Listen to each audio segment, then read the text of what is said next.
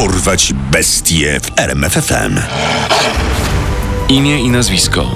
Theodor Bundy. Znany także jako Ted. liczba ofiar. Dokładna liczba nieznana. Potwierdzonych i zidentyfikowanych 20. Potwierdzonych niezidentyfikowanych 10. Podejrzany o dodatkowe 16. Skazany na Trzy kary śmierci. sposób wykonania wyroku. Krzesło elektryczne. Jest 7 listopada 1974 roku. 18-letnia Carol DeRonch robi właśnie zakupy w centrum handlowym w Utah. Podchodzi do niej mężczyzna i podając się za policjanta, zagaduje kobietę. Dzień dobry, proszę panią, jestem oficerem policji, to moja odznaka. Przed chwilą powstrzymałem mężczyznę, który włamywał się do pani samochodu. Proszę za mną, pojedziemy na komisariat.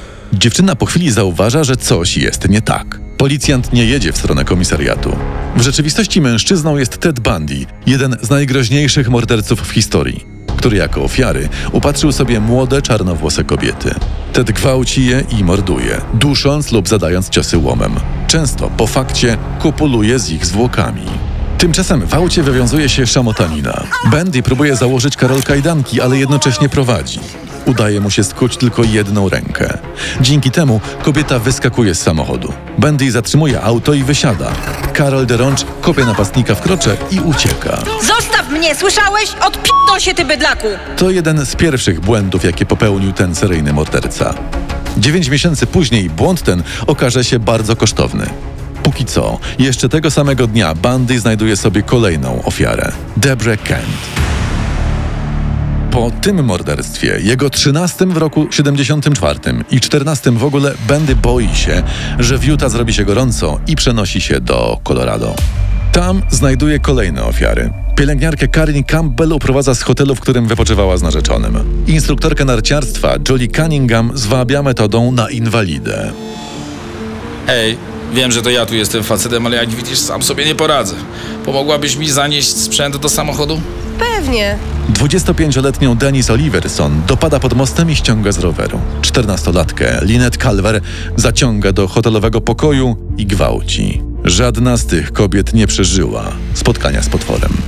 Po dziewięciu miesiącach w Colorado wraca do Utah. Nie jest świadomy, że znajduje się na policyjnej liście 25 mężczyzn powiązanych z falą morderstw. W sierpniu 75 roku, jakieś 9 miesięcy po tym, jak wymknęła mu się Carol DeRonch, Ted Bundy wpada. Patrol policji zatrzymuje go na rutynową kontrolę. Jednak to, co znajdują w jego bagażniku, nie jest zbytnio rutynowe. No, no, co my tu mamy? Kajdanki, kominiarka, pończocha. To ciekawe. Łom!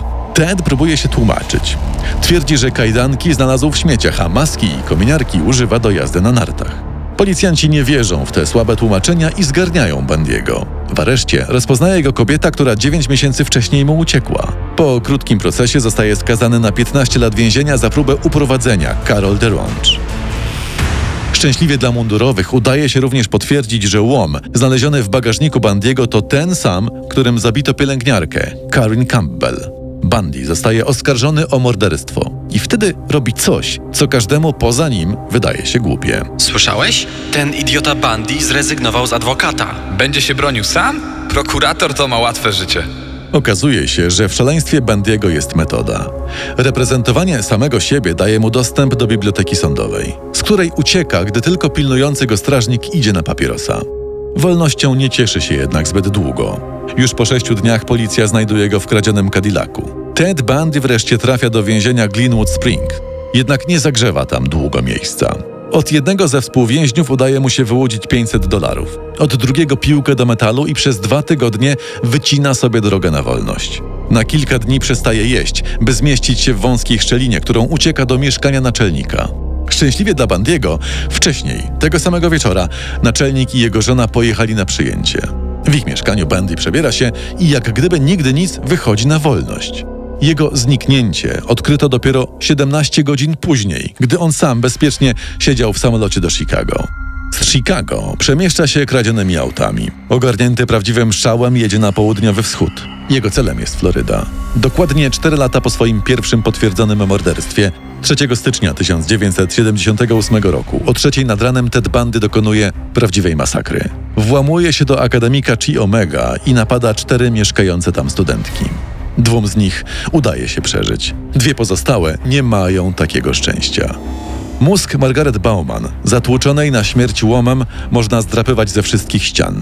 Drugą, śmiertelną ofiarę, Lizę Lewi, dotkliwie pogryzł. Ślady jego zębów będą później istotnym dowodem, który wyśle go na krzesło elektryczne.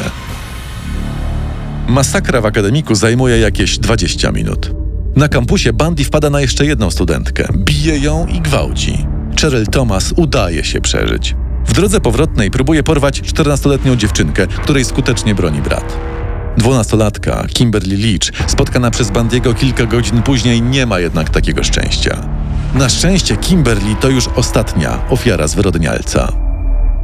Niedługo po tym morderstwie Bandy zostaje zatrzymany przez policję. Wpada w bardzo głupi sposób. Policjanci zatrzymali go za przekroczenie prędkości.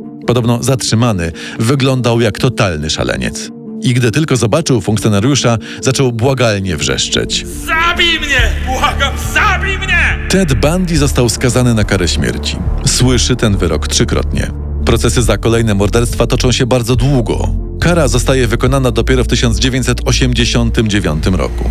Dzień przed egzekucją Bundy udziela długiego, ostatniego wywiadu do programu Życie na krawędzi Jamesa Dobbsa.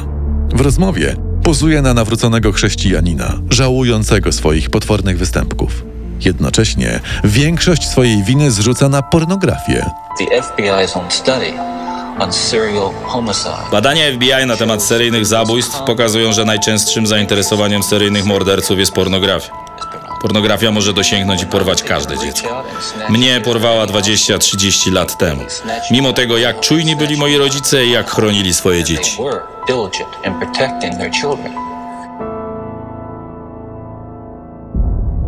W wywiadzie bandy wielokrotnie mija się z prawdą.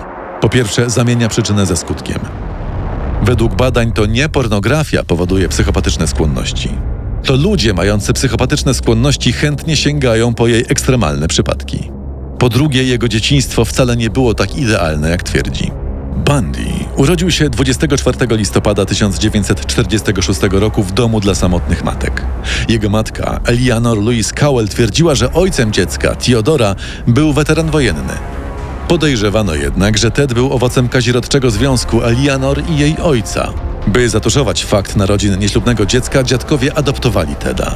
Chłopak wychował się w przekonaniu, że jego matka jest jego siostrą. Dopiero na studiach dowiedział się, że było inaczej.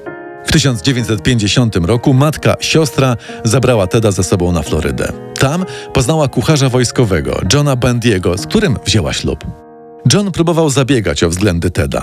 Zabierał go na wspólne wypady i kempingi, jednak chłopak nigdy nie zaufał Johnowi. Jedyną osobą, którą kochał i szanował, był jego dziadek. W okresie dorastania Ted Bundy miał problemy w relacjach z rówieśnikami. W zasadzie nie miał żadnych kolegów, był uważany za dziwaka. Co więcej, jak wielu osobom ze skłonnościami psychopatycznymi, w tym okresie zdarzały mu się pierwsze konflikty z prawem. Póki co nie było to nic poważnego, głównie kradzieże sprzętu narciarskiego, którym to bardzo się interesował. Jego drugim zainteresowaniem, znacznie mniej typowym jak na dwunastolatka, była medycyna sądowa. Ted często przesiadywał w bibliotece i czytywał podręczniki z tego przedmiotu. Szczególnie obchodziły go obrażenia u ofiar gwałtów i morderstw. Na studiach Bundy zakochał się i przez chwilę mogłoby się wydawać, że jego życie wpadło na prawidłowe tory. Połączyła ich pasja do nart. Jednakże jego dziewczyna, nieco starsza Stephanie Brooks, nie była aż tak zakochana w Tedzie, jak on w niej. Po ukończeniu studiów zerwała znajomość. Wszystkie późniejsze ofiary Teda przypominały jego pierwszą miłość.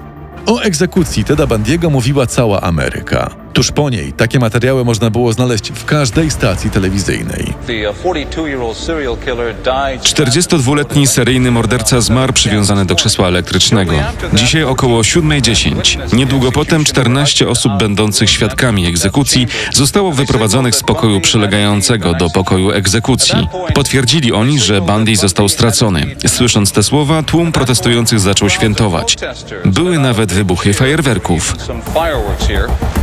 Z kolei jeden ze świadków, Randy McKee, tak wspominał egzekucję Teda Bandiego, jednego z najpotworniejszych morderców, jakich nosiła Ziemia. W zasadzie mnie to nie poruszyło.